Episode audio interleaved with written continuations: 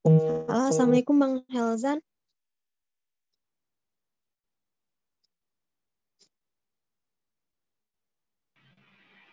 Uh, tes satu dua tiga. Bang, udah, udah masuk bang. Uh, gimana ini? Udah bisa diterima nggak? Ya, bisa bisa bang. Bang, Bag sorry ya, Sabta nggak bisa on cam. Oke, nggak apa-apa. Uh, siap.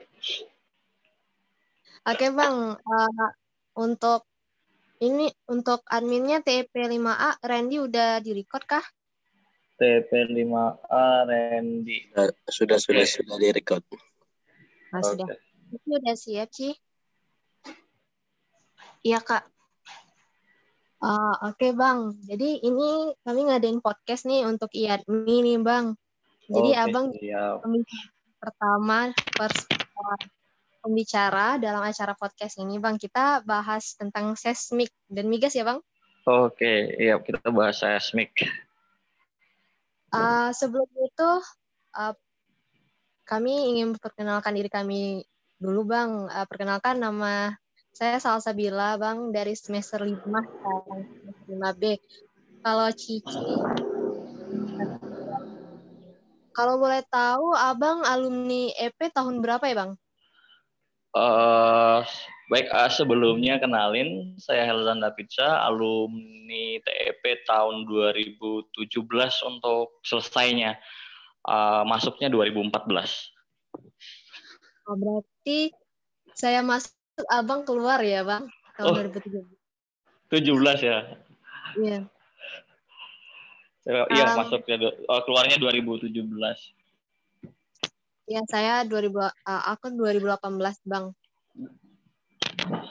Masuk oh, oke. Okay uh, sebelum masuk materi bisa ceritain dulu nggak sih bang masa-masa kuliah di Akamigas? Apa ya kalau ditanya masa-masa kuliah di Akamigas, kayaknya nggak bakalan cukup waktu sehari atau satu podcast ini untuk diceritakan. Tapi yang jelas, yang paling berkesan uh, ada tiga sih. Pertama, tes dan mada bintalnya uh, deg-degan iya excited iya terus apalagi ya yang kedua yang paling berkesan proses belajar terutama bikin laporan yang sangat berarti banget untuk melatih kedisiplinan dan tanggung jawab terasa banget dari yang biasanya kayak ngerjain tugas di SMA kita kayak biasa aja kan kayak gitu. Masih santai dan di Akamigas kita dituntut untuk bikin tugas seperfect mungkin dan itu ngebantu banget ngebentuk aku uh, bisa apa ya dibawa ke budaya pekerjaan yang ketiga momen yang paling berkesan ya tentu selesai dari sana. Deg-degan dan berharap harap cemas karena dulu belum tahu kan mau ke mana uh, bakalan kerja di bidang apa tapi uh, apply-nya sih banyak banget kemarin itu. Di produksi iya terus di seismik di eksplorasi juga iya. Mungkin itu sih uh, sedikit kesan di Akamigas Oke, sama aja ya Bang ya Mas. Nggak sempat kita bahas di sini tentang masa-masa um, di Akamigas tentunya uh, uh, kata Abang tadi uh, setelah tamat dari kuliah Akamigas belum tahu nih masih bingung nih Bang ya ada uh, mau ke industri seismika, produksika.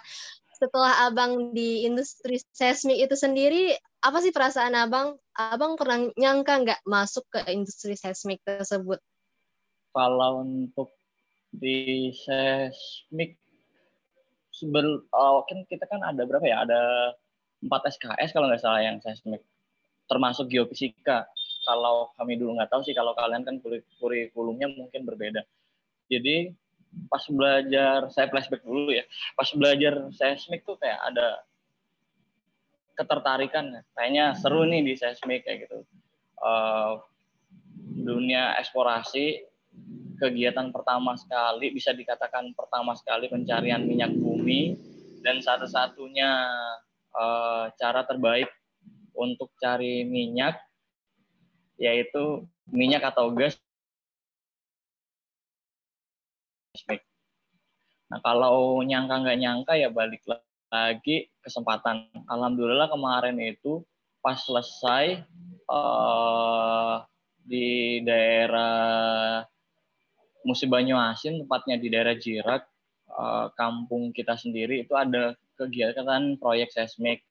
Nah iseng-iseng saya pulang itu uh, kasihkan lamaran, selain dari banyak banget uh, perusahaan yang saya apply, salah satunya di PT BGP Indonesia, yaitu uh, tempat saya bekerja sekarang di bidang seismik. Nah, saya masukkan ke sana.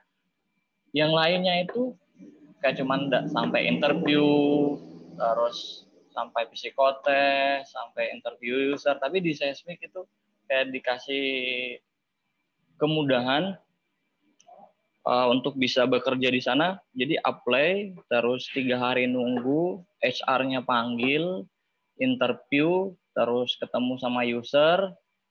Udah langsung setelah dua hari, hari pertama sama HR-nya, hari kedua user, hari ketiganya dipanggil lagi untuk tes kesehatan. Uh, segampang itu di untuk bisa keterima di seismik kayak gitu makanya saya pikir oh ini ini nih jalan yang Allah berikan untuk saya dari sekian banyak usaha yang bisa dikatakan jungkir balik untuk uh, berjuang bisa bergabung di company-nya. Tapi di seismik di BGP saya diberi kemudahan uh, yang sangat luar biasa. Kayak mimpi gitu bisa bisa bergabung di BGP apalagi kita sama-sama tahu BGP adalah International Service Oil Company di untuk kegiatan uh, apa namanya survei geofisika dan seismik lah. Oke, singkatnya. Banyak ya bang. Iya.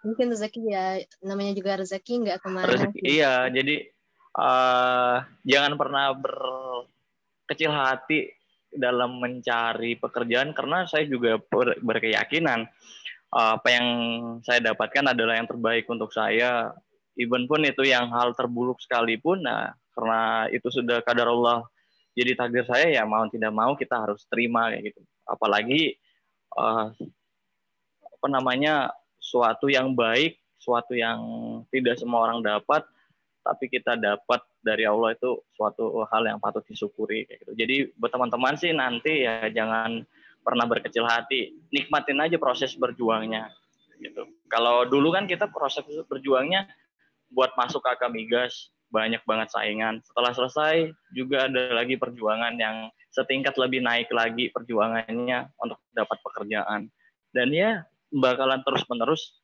selagi kita hidup ada kema mau buat maju ya pasti terus berjuang kayak gitu Oke, intinya bersyukur nih Bang ya. Selanjutnya nih Bang. Iya. Selanjutnya sebenarnya saya punya pertanyaan nih Bang. Mungkin teman-teman juga yang dengar podcast ini nanti, apa sih itu seismik Bang? Langkah-langkah seismik itu seperti apa sih Bang? Oh, Oke. Apa ya kalau ditanya apa itu seismik, tentu anak perminyakan, geofisika, terutama ya geofisika sih pasti karena ini memang uh, bidangnya mereka terus geologi, mungkin anak-anak batu bara dan bidang teknis lainnya tahu itu apa seismik. Tapi buat yang uh, hal buat buat kalian seismik itu adalah hal yang baru. Ini apa ya gitu. Jadi mungkin gambarnya gini. Seismik itu adalah uh, survei geofisika di mana kita uh, tujuannya adalah mengetahui bentuk di bawah permukaan ya. Ya kalau di perminyakan kita cari tentunya adalah uh, jebakan minyak atau uh, jebakan kan ada banyak nih. Saya hampir lupa lagi kayak anti clean, clean, terus patahan, statigra apa namanya bentuk-bentuk di bawah bumi. Nah jadi kayak simpelnya bahasa awamnya itu kita meronsen atau me USG bumi. Jadi kita tahu di bawah itu seperti apa kayak gitu. Itu sih kurang lebih yang uh, apa namanya secara teknisnya mungkin teman-teman juga bisa search banyak banget itu artikel atau apa namanya jurnal yang membahas tentang seismik. Intinya seismik adalah survei geofisika untuk mencari jebakan yang harapannya jebakan itu adalah uh, reservoir dari minyak atau gas kayak gitu. Duh, mohon maaf nih kalau penjelasannya salah. Aduh, nggak apa-apa bang, namanya mau belajar. Karena saya juga secara teori gimana ya ngejelasinnya, tapi mungkin bisa diterima lah sama teman-teman kayak gitu. Ya, oke okay, bang. Nah, um, kita nih udah masih ada di di apa ya di pan, di zaman pandemi nih bang ya. Iya. Uh, apa sih? Apakah industri seismik itu tuh berpengaruh ataupun mengalami penurunan tentunya bang? Untuk wah untuk sekarang uh, benar-benar lagi kacau ya semuanya satu dunia ini satu planet ini benar-benar kacau semua industri semua usaha semua pekerjaan bahkan pendidikan semuanya kacau kita sama-sama tahu. Saya aja sempat tujuh bulan di rumah karena project gak ada yang jalan. Uh, jadi sampai tujuh bulan di rumah. Dari dari sana juga kita tahu bahwa pandemi ini sangat berpengaruh di uh, apa namanya di seismik sendiri, pekerjaan seismik sendiri. Uh, banyak banget yang ya sama kayak kita dengar di TV-TV kayak pengurangan karyawan, terus kita fasilitas dikurangin, terus banyak sekali prosedur protokol kesehatan yang harus dijalani, gitu. banyak banget sangat-sangat berpengaruh sih untuk di pekerjaan seismik, terutama di industri seismik ya di masa pandemi ini. Oke, intinya semua industri pada masa pandemi ini tentunya turun ya Bang, baik itu tingkat keekonomiannya maupun uh, pekerjanya harus di PHK dan sebagainya Bang ya. Iya. Kalau oh, bahasanya kalau PHK terlalu ekstrim kayak di rumah kan aja kan. Kalau seismik itu karena pro project jadi ya kita istilahnya dirumahkan dulu kayak gitu untuk sementara waktu.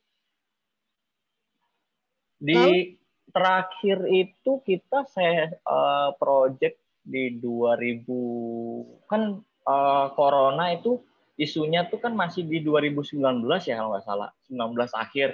Iya 2019 akhir. Iya 19 akhir. Jadi uh, waktu itu saya masih ada di project uh, salah satu perusahaan luar juga Seleraya yang di base-nya di Muara nih. Nah, itu mas isunya udah masuk ke kita, tapi kita masih lanjut sampai Januari, Februari. Oh, Februari. Jadi Februari saya cuti, niat niatnya kan ambil cuti dulu satu bulan cuti nanti uh, Februari, nah di April itu langsung masuk lagi sudah di fase kedua project itu. Nah itu kan di 2020 ya. Terus dari Maret April itu satu persatu tuh teman-teman kita dipulangin, dipulangin, dipulangin. Untuk untuk mengikuti anjuran protokol kesehatan itu sampai di Mei, Mei Ju, iya di Mei, di Mei itu satu project itu benar-benar tutup, nggak ada lagi aktivitas seismik, nggak ada lagi pekerjaan apa di kantor. Semuanya ditutup. Yang paling parah termasuk di office Jakarta juga, base kita kan di Jakarta.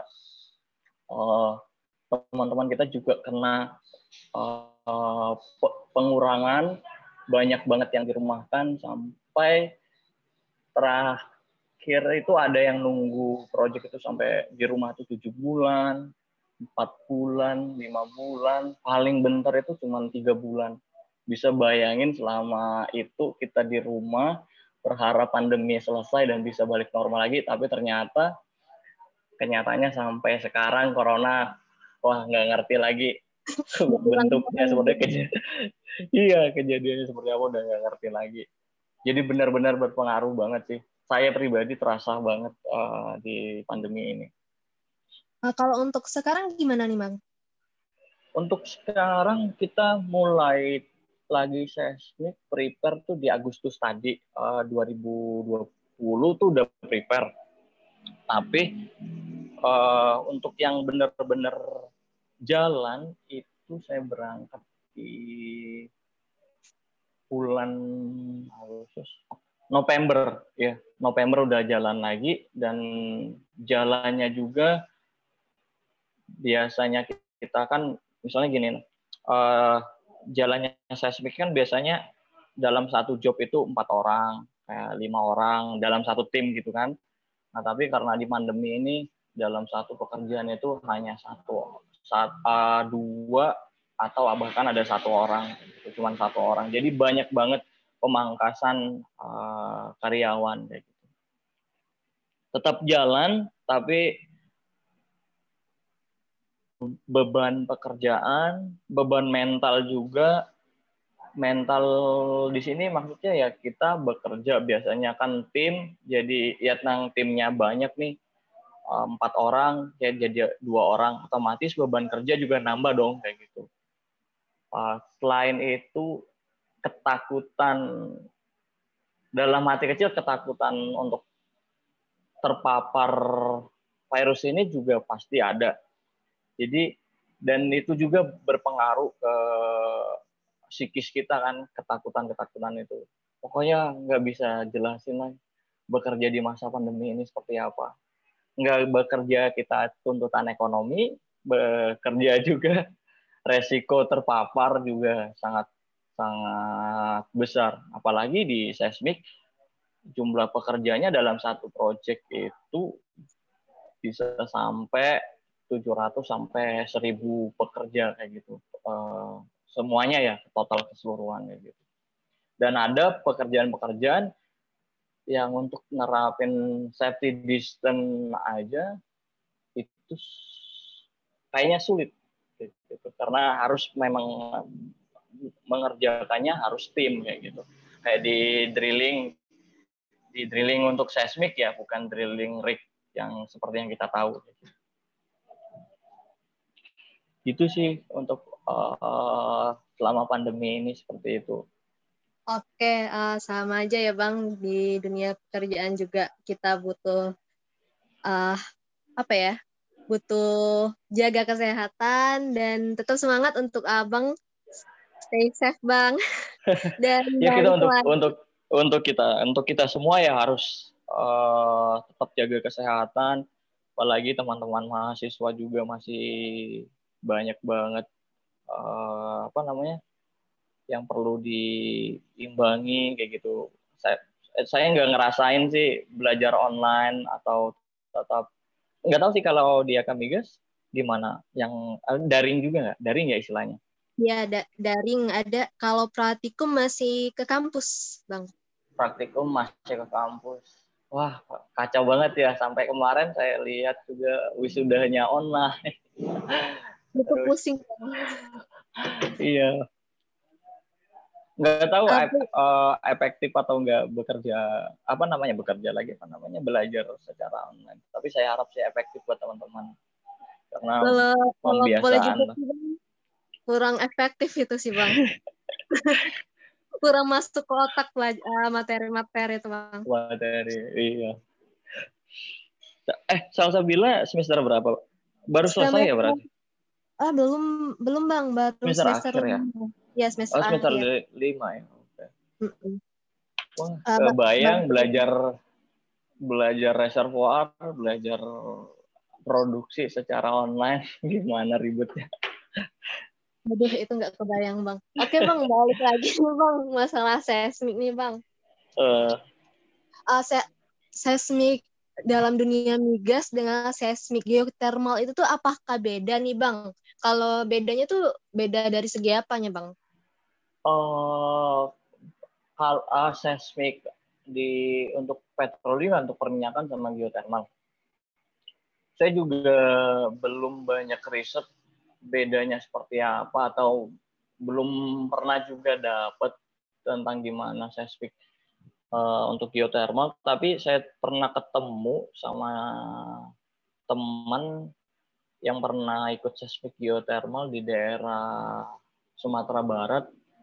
Jadi iya Sumatera Barat. Jadi dia ya dari penjelasannya secara mekanisme itu sedikit berbeda. Saya juga nggak bisa jelasin takut salah juga ya. Tapi berbeda lah.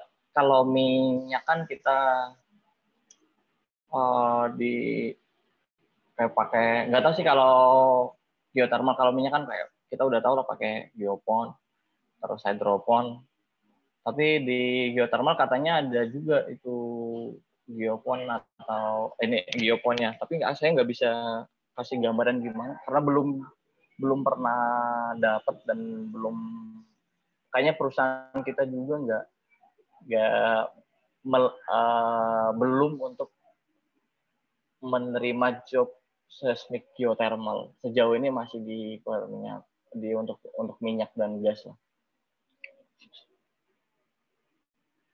Mungkin uh, teman-teman bisa search atau tanya orang uh, yang lebih relevan untuk menjelaskan lah uh, perbedaan atau bagaimana seismik geothermal. Saya juga di seismik petroleum juga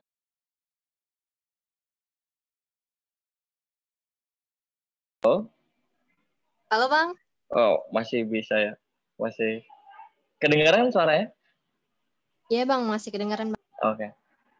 Iya, kalau di seismik juga saya di ini kan yang saya pahami adalah secara praktis di lapangan gimana. Kalau kalau secara teorisnya kan itu banyak banget kayak ada seismik desainnya, terus processing dan kita di perminyakan uh, kayaknya enggak, tidak belajar uh, se, sejauh itu sih kayak gitu. Jadi kemarin pas masuk itu saya kan saya udah tiga tahun di bergerak di Scientific.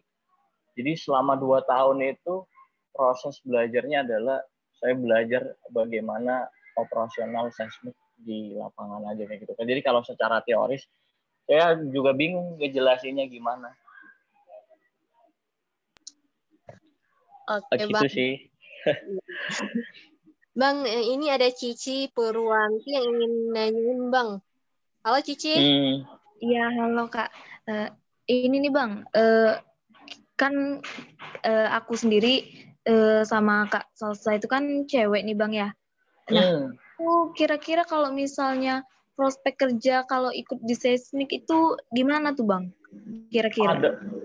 Prospeknya ada walaupun uh, notabene adalah laki-laki ya, ya namanya juga pekerjaan uh, seismik, terus di lapangan, di hutan, yang kadang kayak sinyal aja nggak ada, masih ketemu binatang buas, yang loreng-loreng harimau atau apa masih masih di, di daerah Jambi itu masih ada ternyata. Jadi balik lagi kalau untuk perempuan sih kesempatannya sama ya dengan laki-laki kayak gitu. Jadi tapi memang ada job-job yang uh, dihandle oleh teman-teman perempuan kayak gitu. Ada kesempatannya kayak di HSE setiap project saya ketemu admin atau yang officernya itu perempuan. Terus HR ya, HR juga perempuan. Terus di PR juga ada. Secara teknis juga yang processing itu ada juga perempuannya. Ada. Oh iya ya bang. Jadi kita Jadi sebagai nggak ada ah, uh, uh, Jadi kita nggak ada ini, nggak ada ketakutan, nggak usah takut kalau ada niat buat ke seismik, jangan pernah berpikir di gender kayak gitu, nggak ada itu. Oh iya bang, jadi kesempatannya itu sama aja kayak gitu bang ya? Sama mal malahan saya pikir perempuan juga dikasih apa ya kayak satu keuntungan lebih kayak gitu atau satu fasilitas lebih lah dari laki-laki. Minimal tempat tersendiri kayak gitu yang lebih safe oh, lebih aman iya. kayak gitu. Uh, benar-benar uh, terus ini nih bang kan di masa pandemi kayak gini nih uh, masih ada aja kayak gitu kan orang yang butuh pekerjaan kayak gitu. Nah kalau uh, kesempatan kerja di seismik nih bang. Di masa pandemi kayak gini nih gimana sih bang? Uh, kayak fresh graduate kayak gitu yang pengen ikut kerja di seismik kayak gitu bang? Untuk sekarang di tempat saya aja itu masih ada sih rekrutmen masih ada. Setiap project tuh pasti selalu ada junior yang baru kayak gitu. Entah itu dari lulusan dari mana pasti ada tapi baliklah iya balik lagi juga ada teman-teman yang masih dirumahkan atau gimana. Jadi memang dikatakan berjalan seperti biasa enggak.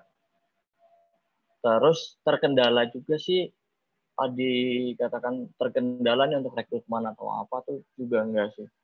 Tapi kemarin itu yang saya sampaikan yang sempat selama 2020 lah. Satu tahun itu tahun yang paling berat lah untuk kita semua. Jangankan untuk uh, rekrutmen atau penerimaan, sedangkan yang ada juga dibatasi atau dikurangi kan gitu. Tapi sekarang udah balik lagi, balik lagi. Karena di seismik juga nggak nggak bisa kerja satu orang atau itu semuanya tim kan, jadi memang butuh pekerja yang banyak tapi memang mungkin kualifikasinya yang lebih diperketat kayak gitu. Di dicari yang memang benar-benar uh, punya kemampuan secara fisik terus ya nggak nggak cengeng lah terutama cewek atau nggak cengeng. Gimana kalau di lapangan kalian udah bisa ngebayangin iya iya bang. Bang, ini uh, mungkin ini pertanyaan atau pertanyaan terakhir nih Bang dari kami di dalam podcast pertama kami ini. Tolong kasih pesan dong Bang buat yang fresh graduate atau adik-adik tingkat abang sekarang uh, pesan kayak gimana nih buat buat prepare ini aja ya persiapan ya, gimana? Persiapan motivasi gitu bang. Oh jadi teman-teman sekalian kan udah pada tahu nih kondisi sekarang gimana kayak gitu.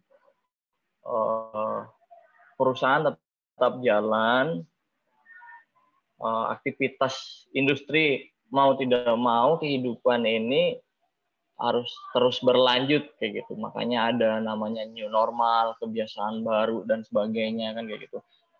Jadi kita ada kan kemarin kan ada kayak oh, campaign yang bersahabat dengan virus gimana. Maksudnya kayak kita membiasakan diri untuk hidup bersih, terus menerapkan protokol kesehatan. Nah, dari sana juga teman-teman udah tahu bahwa dunia tidak sebebas dulu lagi untuk kita bisa keluar rumah, untuk bisa kita cari pekerjaan dengan ke perusahaan ke apa namanya langsung ke perusahaannya, ke kantornya atau apa. Jadi tantangan ini semakin lama semakin berat. Banyak sekali yang di PHK itu sudah dan ber, mereka sudah berpengalaman dan itu jadi uh, apa namanya jadi saingan untuk kita yang mencari pekerjaan untuk fresh graduate ya. Apalagi tahunan kemarin itu sedikit sekali rekrutmen uh, dari perusahaan-perusahaan terutama yang bergerak di industri oil and gas ya untuk di perminyakan lah. sedikit sekali. Dan mungkin ke depannya akan ada kayak rekrutmen lagi tapi mungkin jumlahnya yang terbatas. Jadi ya teman-teman harus benar-benar siapkan diri, nggak bisa berleha-leha, uh, perkuat skill, hard skill dan soft skillnya diperkuat, pahami betul-betul apa yang teman-teman inginkan, terus dalami materi yang memang tem, apa ya materi kuliah kan banyak banget kan ada produksi, ada eksplorasi, ada drilling, dan di luar itu juga ada kayak kewirausahaan atau apa pun itu. Nah, teman-teman kan pasti bisa ngukur nih saya ini sebenarnya di bidang apa sih kuatnya kayak gitu. Nah, ketika teman-teman udah tahu itu misalnya wah, saya kayaknya diproduksi nih. Diproduksi di apanya kayak oh saya tertarik banget di pompa desain kayak gitu atau di artificial. Nah, teman-teman dalamin itu sampai ke akar-akarnya terus uh, kuasai betul-betul kuasai dan itu jadi modal banget untuk teman-teman. Terus kalau masih belum dapat nih yang sekarang masih berjuang, jangan pernah berkecil hati, jangan pernah putus asa. Rezeki hanya ada.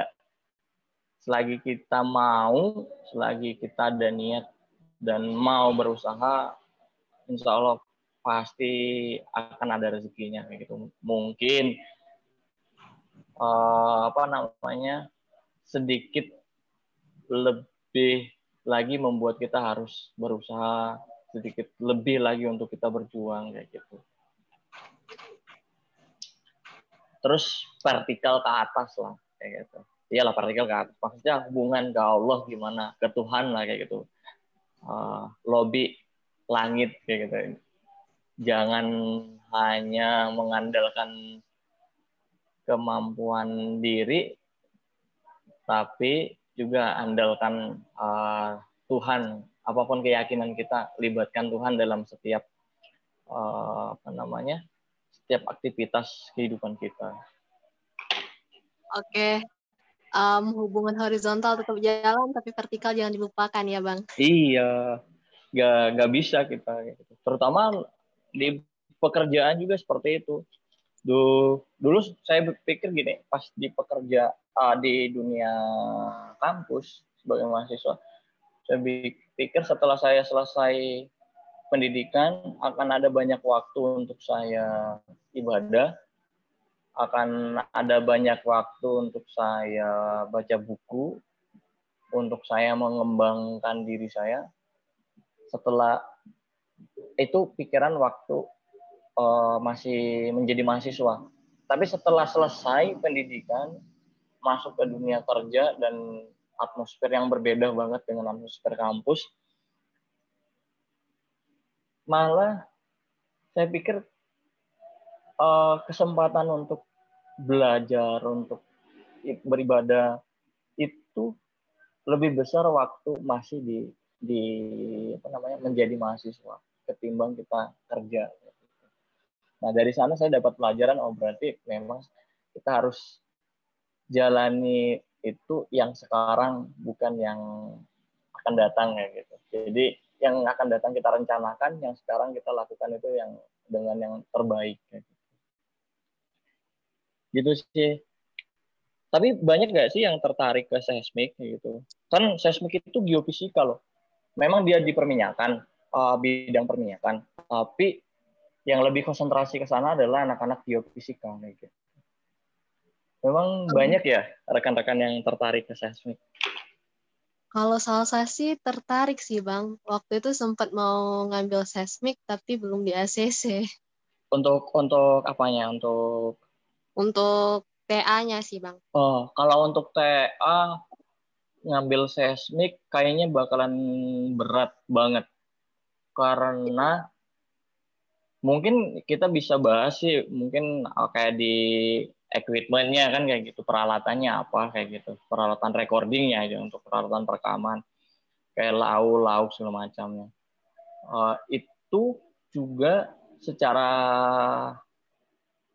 apa ya kayak kasarnya gitu kayak kulitnya aja yang kita dapat. Tapi kalau untuk mendalami lagi itu bakalan sulit karena itu larinya ke kayak ke elektro gitu sih kurang lebih kayak ke mesin kayak gitu kayak perangkat-perangkat lunak gitu bahkan bisa lari ke IT terus kalau kita ke processing juga untuk memproses itu juga saya sempat kemarin itu uh, berapa sekitar satu bulan ya untuk training processing. Dan itu berat banget sih karena hal yang tidak pernah kita ketahui dan uh, di perminyakan kayak gitu nggak pernah aku pelajarin untuk apalagi software seismik kayak gitu. Jadi kalau untuk tugas akhir kayaknya berat. Tapi Ya, nggak Bang. tahu sih mu- mungkin mungkin aku yang berpikiran seperti itu uh, dan tidak bagi teman-teman. Aku juga nggak tahu sih kenapa kayak gitu jalan rezekinya bisa ke seismik. Alhamdulillah tiga tahun berjalan. Alhamdulillah banget ya bang. Iya, tiga tahun. Dan tiga tahun itu nyari tempat apa kerjaan lain ya yang memang misalnya kayak di produksi kayak gitu atau di drilling itu susah banget dan masih terus ikut seismik ikut mungkin rezekinya ya. Iya mungkin rezekinya bang. Hmm. Apalagi kalau kita kalian seismik bela- belajar seismik apa aja? Geofisika, geotermal, Oh, oke. Tapi untuk yang seismik langsung kayak gitu kayak mata kuliah Iya, seismik ya.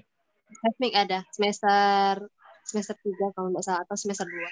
Oh, Oke, yang yang dipelajari kayak ini ya, kayak proses gambaran proses di lapangannya seperti apa, akuisisi data seismik kayak gitu. Iya, tapi nggak sampai ke isi-isinya bang. Oh iya pasti, karena nggak bakalan cukup juga. Kalau waktunya ya, mak- maksudnya nggak cukup waktunya juga. Kalau berapa SKS itu palingan dua SKS ya. Dua palingan iya dua Iya SKS. dua SKS. Kalau mau belajar seismik, ya, kalau mau sampai ke isi-isinya ya mesti sampai S3 kayak gitu. Minimal S S2 lah gitu yang di geofisika. Oke. Tapi siap. mungkin ada lah teman-teman yang mau nanti ke seismik. Karena di Akamigas juga ada baru berapa orang ya yang ke seismik. Itu aku, Abdi, kurang lebih yang aku tahu sih ada tiga, tiga iya tiga orang seismik. Ntar kami bertiga, salah satunya nyusul abang ya.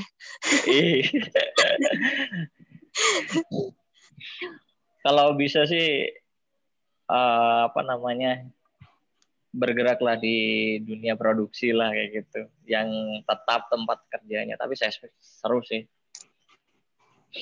Eksplor sekalian ya bang. Iya, eksplor.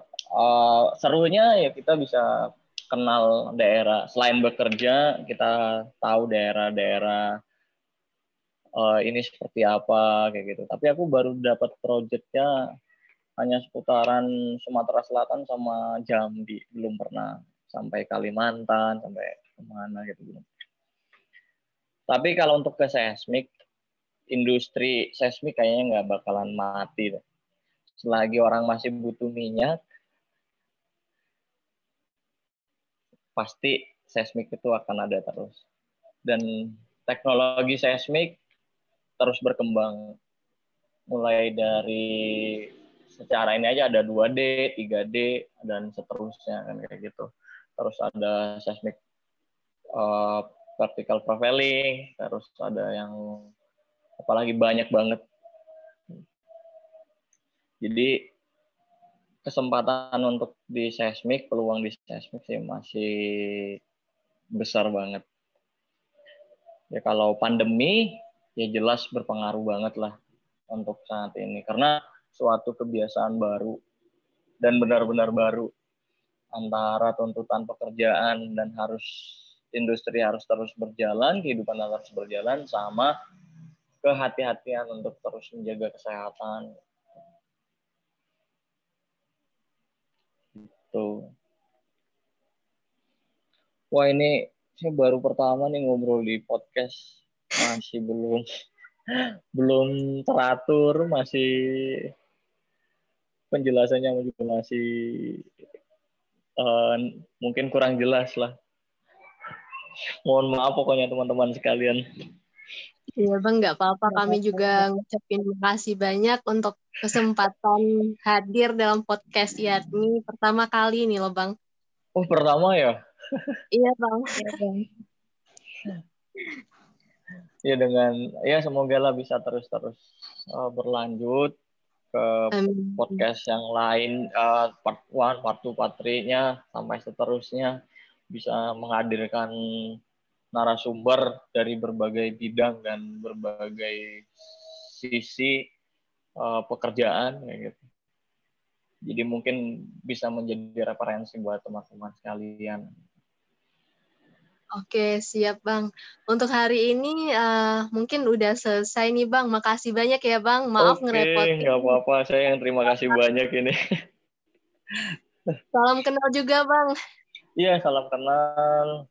Eh, salam juga untuk teman-teman yang masih di apa namanya masih di berjuang di Akamigas, yang sudah selesai juga berjuang mendapatkan pekerjaan, yang sudah dapat pekerjaan juga berjuang memberikan terbaik, memberikan eh, apa namanya loyalitasnya ke perusahaannya kayak gitu. Selamat berjuang dengan perusahaannya. Jangan pernah menyerah. Sesakit-sakitnya bekerja, lebih sakit tidak bekerja. Bener nggak? Benar sekali Bang. Ya. Jadi semangat, jangan pernah putus asa kayak gitu. Oke, siap Bang. Makasih ya Bang. Iya, sama-sama. Mohon maaf ya kalau masih jauh banget dari kata sempurna, apalagi kata ba kata baik aja masih jauh banget, apalagi kata sempurna. Enggak apa bang. Sama-sama kami juga masih belajar bang. Iya, kalau mau tanya tentang, tentang seismik secara garis besar ya, bukan secara teoris yang ngejelimet banget, eh, bisa hubungi langsung by WA boleh, terus eh, ketemuan boleh, atau di mana nanti sharing-sharing nggak apa-apa untuk untuk menambah referensi biar eh, apa namanya banyak banyak referensi lah nanti mau ke mana dan seperti apanya terutama Iya. di bidang seismik ya Siap bang. Bang. Nah kalau gitu makasih banyak ya bang udah mau jadi narasumber kita di podcast pertama IAT nih bang.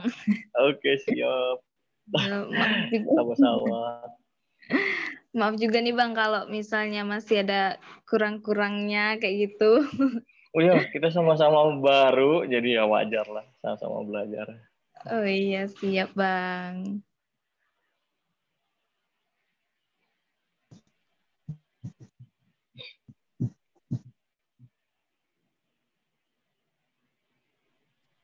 Ah, Bang Helsan kalau ada urusan lain, kalau mau live juga nggak apa-apa Bang. Udah selesai Oke. soal kita. Oke oke siap siap. Pak oke terima kasih ya. Semangat buat teman-teman sekalian. Semangat untuk eh, ini tim Yatmi ya? Iya Bang, tim nih. mantap sih. Semoga terus eh, apa namanya berkembang podcastnya. Bisa jadi podcast perminyakan ini satu-satunya ya yang ku tahu sekarang ya. Yang ku tahu sih nggak tahu kalau mudah ada. Ya. semoga semakin apa namanya berkembang podcastnya Amin. terima kasih ya Iya, kesempatannya yuk assalamualaikum Waalaikumsalam.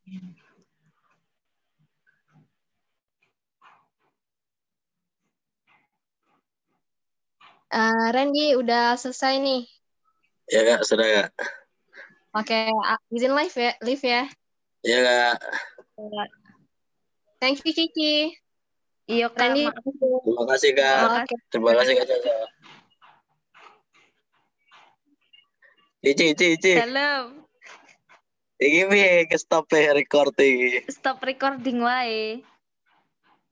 Iki pencet kan ada loro tombol ya, pencet sebelah ndi. Pencet sing Stop. tanda stop.